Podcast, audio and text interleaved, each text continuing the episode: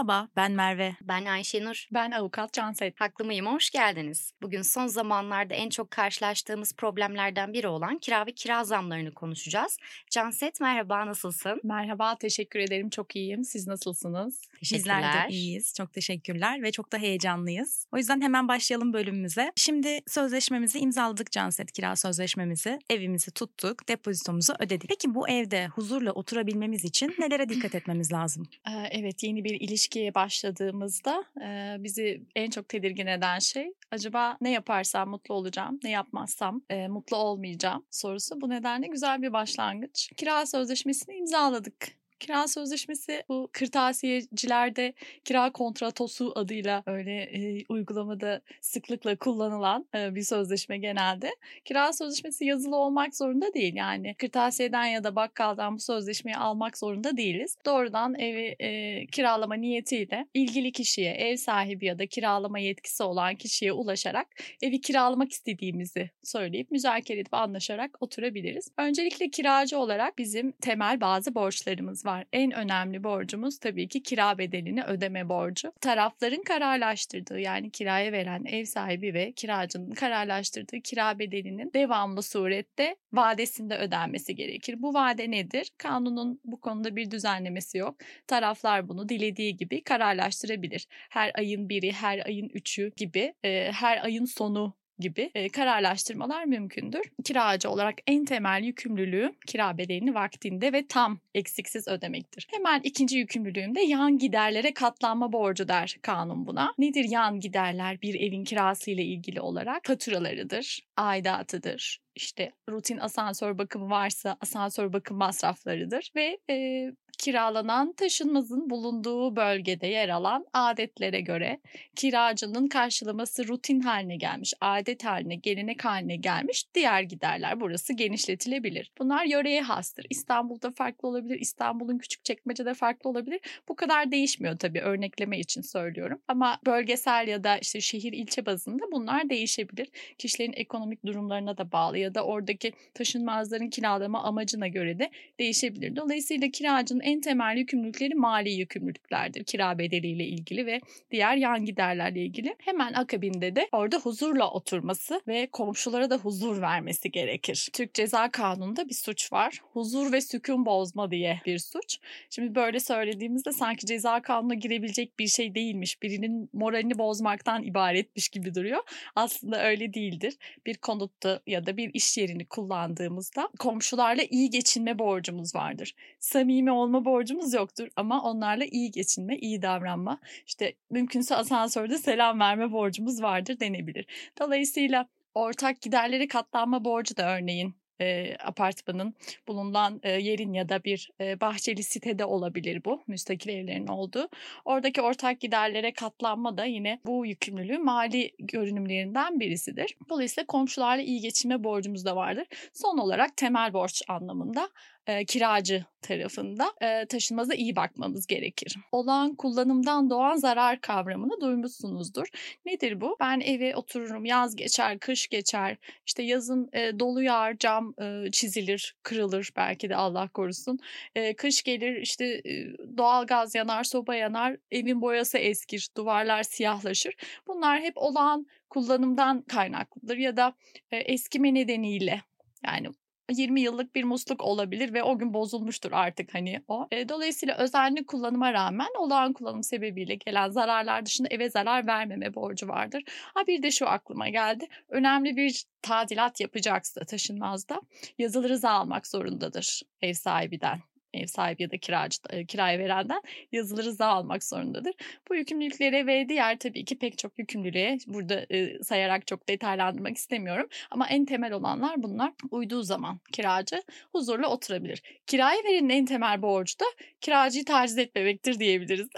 ve taşınmazı kullanıma devamlı surette hazır bulundurma borcu diyebiliriz. Buna ben çok güzel bir örneğim var bununla ilgili kendi hayatımda yaşadığım ve yaşadığımda aa inanamıyorum ben bu maddeyi yaşadım dediğim bir e, örneği var. Ben üniversitede bir e, hukuk bürosunda e, geçici olarak e, çalışmaya başlamıştım. Kadıköy Hasanpaşa'da bir ofiste özledim oraları da. E, Hasanpaşa'da e, binalar çok sık bilirsiniz. E, bizim yan binamızda bir kepçeyle bir yıkım işlemi vardı. Bina o kadar yakınmış ki bize ben geldiğimde o duvar yıkılmaya başladığı için fark etmemiştim. O kadar yakın ki yıkım işlemi devam ederken duvara kepçe vurmaya başladı. Ve ben ofiste tekim. Avukatımı aradım hemen dedim ki yani avukatım dediğim yanında çalıştığım kişiyi aradım. Dedim burası yıkılacak, duvar yıkılacak, beni dinlemiyorlar. Camdan çıkıyorum söylüyorum falan derken neyse kısa kesiyorum. Duvar yıkıldı. Ben e, Allah'tan diğer odadaydım. Zaten orada oturmadım böyle bir risk karşısında. Tek duvarı yıkılmış bir ofis düşünün. Kullanıma hazır mıdır artık orası? Değildir. Değildir. Bu kiraya verenden mi kaynaklanmıştır? Hayır. Yani oradaki kepçeyi kullanan ve beni dinlemeyen beyefendiden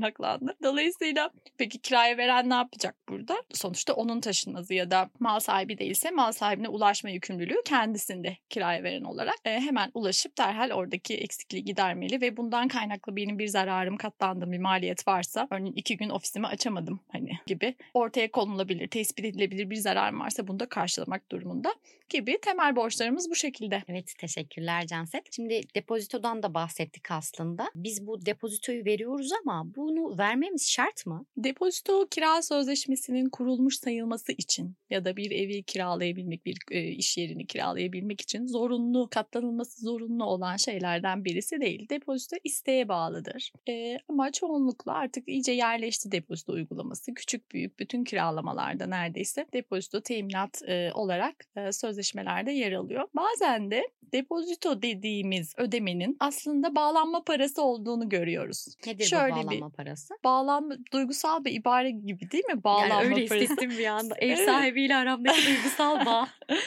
Bağlanma parası şu şekilde düşünün. Emlak piyasası çok canlı biliyorsunuz. Satışlar, kiralamalar inanılmaz hareketli ve e, örneğin benim şimdilerde Ankara'da ev bakan bir arkadaşım var. E, 74 tane gözüme kestirdiğim taşınmaz var dedi. E, hani öyle düşünün. Acaba hangisini alacak, e, şey seçecek, e, seçtiğinde pişman olacak mı kiraladığında? Bu hareketlilikten dolayı özellikle kiraya veren, evini kiralamayı istediğini belirten bunu e, beyan eden kiracıya e, kardeşim sen bana bir e, iki aylık depozitoyu ver de hem yolumuzu görelim hani hem de depozito gibi düşünebilir. Burada bağlanma parası özelliğiyle yani biz sözleşmeyi kurmak üzereyiz. Daha kurmadık taşınmazı tam kiralamadım ama kiralayacağım. Az kaldı ödemesi anlamındadır. Bazen de her şeyin net olduğu sözleşmelerde özellikle depozito niteliğindedir. Sözleşmenin kurulduğu hiç tartışılmaz. Bu neden önemli? Hemen şöyle bir yine çok tatlı bir vakam var bununla ilgili. Ödemenin bağlanma parası olduğunu iddia ediyorum ben. Kiraya veren de hayır o depozitoydu diyor. Taraflar arasındaki yazışmaya bakıyoruz. Henüz kiralama iradesi yok. Hala kiracı düşünüyor. E, ve ihtarını da tabii ki o şekilde düzenleyip biz bu bağlanma parasıdır. Zaten depozito da olsa bir sözleşmeden dönme varsa hani iade edilmesi gerekir ama bu teknik ayrımlar önemli. Ama totalde depozito zorunlu değildir. Ödendiyse de e, kenarda duran bir bedeldir. Peki depozitoyu nasıl geri alabiliriz? Yani o depozito yerine e, son kirayı ödesek Aa, Evet evet kesinlikle. Olabilir ya mi? Çünkü, çünkü biz ev sahibimizle bu şekilde konuşmuştuk. Hani son kirayı ödemeyelim. Kiralamanın başında vermiş olduğumuz depozito son kira yerine geçsin demiştik. Hani bunun hukuken bir karşılığı var mı? Ee, evet yani bu aslında uygulamada gelişen bir çözüm. Çünkü kiracı e, girerken pek çok masraf yapıyor. Belki eve uygun eşya alıyor. Belki sıfırdan başlıyor. Bir de üzerine ilk kiraya ek depozito eklendiğinde kendisi için ciddi bir masraf ve bir avantaj yaratmak istiyor. Bahsettiğiniz şey de de bu avantajlardan birisi aslında en azından çıkarken yani yeni bir ev için masraf yaparken son kiramı ödemeyeceğim. Hani burada çektiğim sıkıntıyı orada telafi edeceğim gibi bir çözüm. E, bunun kanunda yeri yok. E, depozitonun e, özelliğinin teminat olduğunu söylemiştim. Çıkarken eğer taraflar taşınmazda bir e, problem, olağan kullanım dışı bir problem, bir zarar olduğunu değerlendirebiliyorlarsa depozitodan bunu karşılayabilirler. Böyle bir şey yoksa da e, ve özellikle tabii ki karşılıklı buna razı iseler son kirayı sayabilirler. Ne olur peki razı değilse e, moral bozukluğu olur. Onun dışında hiçbir hukuki yaptırımı yok. Yani e, kiracı kirayı verenin rızası olmadan tek taraflı bu şekilde bir takdir kullandığında bu kiraya veren için zorlayıcı bir şeye denk gelebilir. Ama hukuken bağlayıcı bir şey yok. Sözleşmeye yazdıysak özellikle kesinlikle yapabiliriz artık. O o konu üzerinde anlaşılmış demektir çünkü. O zaman şimdi de kira sözleşmesi yaparken hatta kiralık ev ararken karşılaştığımız durumlardan birisine geleceğim. Ev sahiplerinin genelde bekara ev vermem, öğrenciye ev vermem, avukata vermem gibi şartlarıyla karşılaşıyoruz. Bu beklentileri ev sahiplerinin haklı mıdır? E, haklı yanı vardır tabii ki. Çünkü bizim hukukumuzda sözleşme hürriyeti vardır. Sözleşme serbestisi diye de geçer. Ne demektir bu? Ben evimi kire, kime kiralayacağıma ben karar veririm. Ben e, hangi evi tutacağıma ben karar veririm min e, hukuki karşılığı sözleşme serbestisidir. E, sadece burada şöyle bir durum var. Taraflar serbest olmakla birlikte e, belli bir bölgede, belli bir dönemde kiraya verenlerin kiralama yapacakları kişilerle ilgili bu tarz kriterler belirlemesi genel bir probleme yol açabilir. Örneğin e, işte bekara vermem. Düşünün e, bir semtte bekara vermemeye başlıyor bütün ev sahipleri ve e, açıkçası biraz bu akım gibi de giden bir şey. O vermedi demek ki bir bildiği var ben de vermeyeyim. O hani zaman belki böyle başı... bekarları dışlama gibi bir şey oluyor Tabii bu yani. ya o bölgede çalışan bekarlar bitti. Hani böyle bir uygulamada. ee, bir barınma güçlüğü adeta ortaya çıkıyor. E tabii ki bunun çözümü var mıdır? E, vardır tabii ki işine 2 kilometre olan yer yerine 10 kilometre ötede bir yer, yerden elbette kiralayabilir ama totalde bu bir sorun mudur? Sorundur. Yani taraflar sözleşme serbestisini biraz kötüye kullanmaya başlamışlar ve orada bir serbesti tersinden bir zorlamaya dönüşmüş. Yapamıyorum sözleşmeyi. E, dolayısıyla bir böyle bir yönü vardır. Bir de e, peki bunun sonucu nedir? Bu bir ayrımcılık da teşkil eder aslında. E, ayrımcılık örnekleri basında çok meşhurdur belki duymuşsunuzdur mutlaka. İşte damsız girilmez yazan mekanlarda mesela değil mi? Neden ben iki erkek arkadaşım hani beyefendi bir şekilde girip burada eğlenemiyoruz ya da benzer bir ayrımın bir hanımefendi için yapıldığını düşünün. Ya da taksi çevirme meselesi. Taksiyi çeviriyorsunuz ama çevrilmiyor nedense durmuyor bir türlü sizi almıyor. Burada da yine biz taksiyi hani durdurmak istediğimizde aslında bir sözleşme önerisinde bulunuyoruz. Bir taşıma sözleşmesi beni oraya götür. Orada durmadığı zaman haklı bir nedeni olmadan durmadığı zaman özellikle bu da benim için bir ihlal oluyor gibi. Bu da onun gibi bir durum. Dolayısıyla burada tarafların e, haklı yanları olduğunu söyleyebiliriz ama hukuken korunabilmesi için bunun bir e, ayrımcılık teşkil etmemesi gerekir. E, bu arada o kişilere ev vermek de aslında fena değildir yani kira bedelini artırma konusunda hani giderlere katlanma konusunda aslında avantajlıdır da ben e, bu şekilde ön yargısı olan e, ev sahiplerinin yeniden e, bu ön yargılarını değerlendirmeye davet ediyorum. Kesinlikle özellikle öğrencilerde işte gelir iki kişi tutar, üç kişi tutar. Kirayı biraz daha ev sahibi yükseltir. Bu da ev sahibinin yararınadır evet. diye düşünüyorum. Peki e, Canset bir de ev sahiplerinin memur kefil istiyorum şartı var ya. Tamam memuru bir şekilde bulduk diyelim ama her memur da kefil olmak istemiyor haliyle.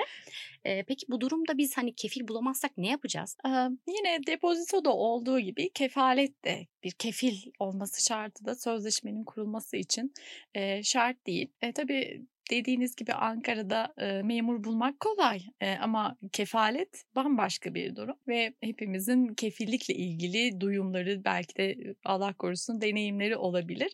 E, kefalet bayağı yuva yıkan bir sözleşmedir Kesinlikle. yani. E, tabii kira ilişkiler için biraz rutin hani ödemeleri olan ekstrem bir borçlanma değil ama neden böyle bir şey için bir başkasından ricacı olalım ya da bulmak zorunda olalım? Zaten öyle bir hukuki zorunluluk da yok. E, peki ev sahibi neden böyle bir şey istiyor. Endişe ediyor çünkü. Yani belki de o ev onun geçimini sağladığı bir gelir kapısı.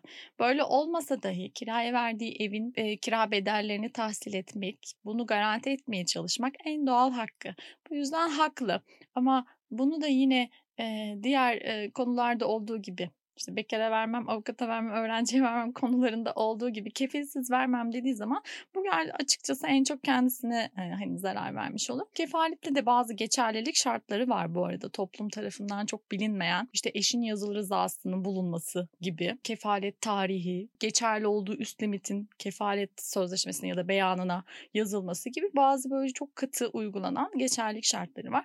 Burada da e, kefalet özellikle çok önemli ise taraflar açısından kiraya verenler açısından mutlaka bir hukuki danışmanlık almasında fayda var. O zaman şimdi de son zamanların en merak edilen ve en çok konuşulan konusuna gelelim kira zamları. Diyelim ki bir yıllık kira sözleşmemiz doldu ve zam yapma vakti geldi. Ne kadar zam yapmalıyız? Aynen hani biz böyle tefe tüfe oranı diye bir oran duyuyoruz ya. Evet. Bu orana göre mi biz arttıracağız bu kirayı? Ee, evet yarısı doğru bir soru. Tefe tüfe e, tefe tüfe diye bir aslında hukuki kavram yok sevgili Ayşenur. Nasıl yani? Seni düzelttiğim için özür diliyorum. Üfe tüfe var. Tefe diye bir şey var. Tamamen kurgusal değil ama kira sözleşmeleriyle ilişkisi yok. Tefe, tefe, tefecilikten gelir. Yani bayağı suç olan, önermediğimiz asla teşvik etmediğimiz bir yasa dışı faaliyettir tefe. Oradaki şey evet böyle halkımız üfe tüfe hani biraz zor üyle başlamak. Tüfe, tefe tüfe gibi böyle karışık söyler. Ama aslında üfe tüfedir. Nedir bunlar peki? Üretici fiyat endeksi tüketici fiyat endeksi ekonomik kavramlardır. Her yıl, her ay bir önceki yılın oranlarına göre açıklanan, ilan edilen belli oranlardır. Biz bu tefe tüfe kavramını gerek haberlerde, gerek gazetelerde, dergilerde birçok yerde hatta bilindik gazetelerde falan da görüyoruz evet, açıkçası. Gerçekten doğru bilinen yerleşmiş yanlışlardan birisi. Bu konuda klasik insanların aslında ortalama kira bilgisine dahil bir konudur artış konusu. E, Türk Borçlar Kanunu'nun ilgili maddesinde tüfe oranında artış yani e, artış yapılacak ayın bir önceki yıldan itibaren 12 aylık ortalamalarına göre oluşan değişim oranı kadar. Yani dediğim gibi ekonomik bir kavram, açıklanan bir kavram. Resmi sitelerden elde ederek artış yapacağımız ay tespit edip uyguladığımız bir şey. Tüfeyle ilgili ya da kira artış oranları ile ilgili 2022 yılında bir düzenleme var. 11 Haziran 2022'de yürürlüğe girdi. Bu düzenlemeye göre bilindiği gibi konut kiralarında, iş yeri kiralarında bu uygulanmıyor. Konut kiralarında artış oranı 11 Haziran 2022 1 Temmuz 2023 arası dönemde yenilenen sözleşmelerde artış oranı maksimum %25 olabiliyor. Bu bir yasal düzenleme yani nasıl ki rutin artış oranlarını Türk Borçlar Kanunu TÜFE şeklinde düzenlemiştir aynı kanuna eklenen ek geçici bir maddeyle de e, bu süre içerisinde yenilenen sözleşmelerin artış oranı bu şekilde sınırlandırılmıştır. TÜFE %25'in altındaysa TÜFE uygulanır ama son bir yıldır böyle bir oran yok biliyorsunuz. Dolayısıyla bir üst kota olarak değerlendirilebilir. Peki 1 Temmuz 2023'ten sonra ne olacak? Şimdi kayıttan önce ben tekrar baktım. Çünkü eli kulağında bir düzenleme kayıt tarihimizde. E, hala ilan edilip açıklanan bir durum yok. E, bunun uzatılacağı yönünde hani duyumlar var. Yeni bir oran belirleneceği ya da kaldırılacağı yönünde e, çeşitli, çelişkili, birbirine zıt söylemler de var. Bekliyoruz. Devletimiz gereken zamanda bu düzenlemeyi yapacak. Peki yapmadığı varsayımında yani düzenlemenin de mantığını anlamak için ne olacağını konuşalım. 1 Temmuz 2023 oldu. Hala düzenleme yok. Bekliyoruz. 2 Temmuz'da benim sözleşmem yenileniyor. Ben hemen tüfeğe tabi olacağım. Yani talihsiz bir şekilde bir önceki gün yenilenseydi sözleşmem %25 artıracakken e, kiracı olarak talihsizim burada. E, ertesi gün tarihli olduğu için belki de %75-80 gibi bir artış oranına maruz kalacağım. Ama buna mahal vermemek için e, yakın zamanda bir düzenleme gelecektir. Bu oranın üstünde yapılan anlaşmalar da geçersizdir der kanun. Yani ne demek bu? E, %25'in üzerinde %30, %35 gibi artışlarla ödenen bedeller hukuki dayanaktan yoksundur demektir. Artış konusu kısaca böyle. Yeni düzenlemeyi bekliyoruz. Şimdi ileride inşallah bir ev sahibi olurum diyerek ev sahiplerini de anlamış bir şekilde bir soru yöneltmek istiyorum. Diyelim ki ev sahibi kiraya zam yapacak ama kira bedeli piyasaya göre çok düşük kalıyor. E, ister istemez o da kendine göre haklı tabii. E, bu %25'in üzerinde bir kira yapması mümkün mü? E, bu oranın üzerinde bir kira kararlaştırılabilir tabii ki. Bu arada özellikle yani bu düzenlemenin çıktığı tarihte e, yakın zamanda yapılmış sözleşmeler için yani bir yılı e, yeni dolmuş e, hemen hemen sözleşmeleri için bu büyük bir problem haline geldi. Çünkü bir yıl bir kira sözleşmesi için e, çok kısa bir süre de değil, çok uzun bir süre de değil. Bu şekilde bir kotaya takılmak e, ev sahipleri açısından gerçekten travmatik oldu açıkçası. Bu nedenle bu beklentinin haklı yanı olduğunu söyleyebiliriz. Öte yandan bu kadar önemli bir konuya ilişkin nedir önemi konunun? Kira sözleşmeleri barınma hakkına ilişkindir. Barınma hakkı hukuken yer yer yaşam hakkıyla bile ilişkilendirilebilecek bir haktır. Yani ciddi bir haktır. Bu yüzden zaten devletimiz başka devletlerde de olduğu gibi müdahalelerde bulunabiliyor. Konunun önemi itibariyle tarafların anlaşmasına bağlı olsa da kamusal bir hakkı düzenlemesi sebebiyle bu tarz kotalar getirilebilir. Peki ne yapacağız? Yani nasıl çözeceğiz? Dediğim gibi özellikle de geçim kaynağıysa yaşlı birisi düşünün. Bir aylığı var belki hani yetinmeye çalıştığı bir de bu kirası var. Onun için daha kıymetli oluyor. Her, her şey beş kat e, artıyor. Evi asla artmıyor ya da bir kat artıyor gibi. E, burada e, açıkçası hukuki konudan çok e, tarafların iyi niyeti karşılıklı anlaşması, uzlaşması daha kıymetli hale geliyor. Yani kira artışının bu oran üzerinde yapılması mümkün ise tarafları zorlamayacak hani durumdaysa, kiracı için bir zorlama, istismar teşkil etmiyorsa, kiraya veren için de yine hani gerçekten gerekliyse ve hepsinden önemlisi taraflar bu konuda el sıkışmayı başarabilmişse tabii ki ödeyebilirler. Ama şunu bilerek ödemeleri gerekiyor. Kanun çok açık. Emredici hüküm dediğimiz şekilde sınırlıyor. Diyor ki kanunla belirlenen bu oranları aşan sözleşmeler geçersizdir. Fazla miktar yönünden belirtiyorum. Fazla miktar yönünden geçersizdir. Ne demek? Benim sözleşmem iptal olmuyor tabii ki. %25 diye kotamız. Mer e, Merve Hanım siz %35 yaptınız. %10 kadar her ay fazla ödediniz. Bunlar birikti birikti birikti bir sürü fazlalık oldu. Siz yani bu bilgiyi de vermek istemezdim ama biraz uyuşmazlık yaratan bir bilgi çünkü ama e, bilmekte fayda var. İyi geçinmek için önemli bir sebep. Tarafların iyi geçinmesi için önemli bir sebep. Kira sözleşmesinin sonunda ya da kira sözleşmesi devam ederken hiç fark etmez. Bu fazlalıkların iadesini isteyebilir kiracı. Nasıl yani? Yani tam olarak duyduğumuz gibi bir örnek vermeye çalışayım. Şimdi hesap hatası da yapabilirim. Yani %25 oranında yapılan zam 2500 lira çıktı. Mesela taraflar 4000 lira kararlaştırdı. Aradaki 1500 liralık farkı kiracı daha sonra 5 yıllık süreye riayet etmek kaydıyla tabii ki zaman aşımı var. Kirayı verenden talep edebilir. Çok tehlikeli. O zaman sevgili ev sahipleri kiracılarınızla iyi geçinin diyebilir miyiz burada? Gerçekten öyle. Başta da söylediğim gibi hukuk bilgisinden çok müzakere ve orada uzlaşı çok kıymetli. E, o açıdan olumsuz bir düzenleme olsa da belki e, kira piyasasında iletişimi artıracak bir yanı da olacak. Çünkü gerçekten her iki taraf huzurla oturmak için, huzurla evini kirada tutmak için e, iyi geçinmek zorunda.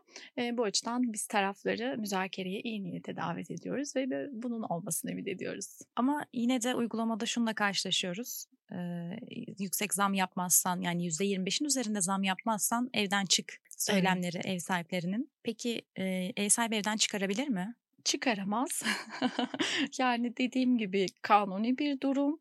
Fazlası olursa e, hani ödemeler kabul edilebilir ama dayanaktan yoksun olduğu için hukuki dayanağı olmadığı için sebepsiz zenginleşme dediğimiz e, kanun hükümlerine göre iadesi istenebilir. E, burada tahliye hakkı veren bir durum değildir. Kiraya verenin e, kiracıyı tahliye hakkı çok sınırlı sebeplere bağlıdır. Barınma hakkı ile ilgili olduğu için e, kiralama sözleşmesi emredici hükümleri vardır ve tahliye sebepleri de bu şekilde kanuni nedenlere dayalı olabilir ancak. E, dolayısıyla bir psikolojik taciz olmanın ötesine geçmez. Bir tahliye nedeni değildir. Evet Canset bu güzel bilgiler için teşekkür ediyorum. Bizimle birlikte e, dinleyicilerimiz de merak ettiği birçok konuda e, bilgi sahibi oldu. Şimdi Merve senden e, bu konu hakkında ufak bir özet rica etsek bizler için yapar mısın? Tabii ki hemen bugün kısaca nelerden bahsettik özetleyelim. Kiracının temel borcundan bahsettik. Kira bedelini vadesinde ödemektir dedik bunun içinde. Bu temel borcun yanında yan giderleri olduğunu da söyledik. Nedir bunlar? Faturalar, aidat veya gelenek haline gelmiş e, diğer borçlar. E, aynı zamanda komşularla iyi geçinme borcu da var dedik kiracı için. Taşınmaza iyi bakma borcu dedik. Kirayı verenin de e, borçlarından bahsettik. Bu da nedir? Taşınmazı kullanıma hazır hale getirme borcuyorduk. Hatta Canset bize çok da güzel olmayan bir anısından bahsetti. Evet, ama tam olarak konuyu açıklayan. Evet çok evet. güzel bir örnekti gerçekten o. Depozitoyu konuştuk. Depozitonun zorunlu olmadığını söyledik. İsteğe bağlı yerleşmiş bir uygulama olduğundan bahsettik. Ee, bununla birlikte depozito yerine bazen bağlanma parasının da kullanıldığını söyledik. Sözleşmemiz bittiğinde depozito yerine son kirayı ödeyebilir miyiz diye Hı-hı. sorduk Canset'e. Böyle bir hukuki düzenlemenin olmadığını ama taraflar anlaştıysa, evet. sözleşmeye yazıldıysa Özellikle bunun mümkün... sözleşmede varsa hiçbir sorun yok. Yoksa da biraz kabalık oluyor sadece. hukuki yaptırımı yok. Ev sahiplerinin öğrenciye, avukata, bekara ev vermem talepleri üzerine Hı-hı. konuştuk. Lütfen ayrımcılık yapmayın diyoruz kendilerine buradan. Tabii haklı talepleri e, olduğundan da bahsettik. Mesela memur kefil gibi e, evet. kira bedeli konusundaki endişelerinden dolayı ev sahiplerine memur kefil gibi bir talebi olabiliyor. Evet orada da şunu belirtmek istiyorum. E, yani özellikle mevcut ekonomik koşullarda e, bir teminat arayışı da çok doğal. Orada da yine kiraya veren ve kiracının bir uzlaşı zemin yaratarak çeşitli teminatlardan faydalanması mümkün.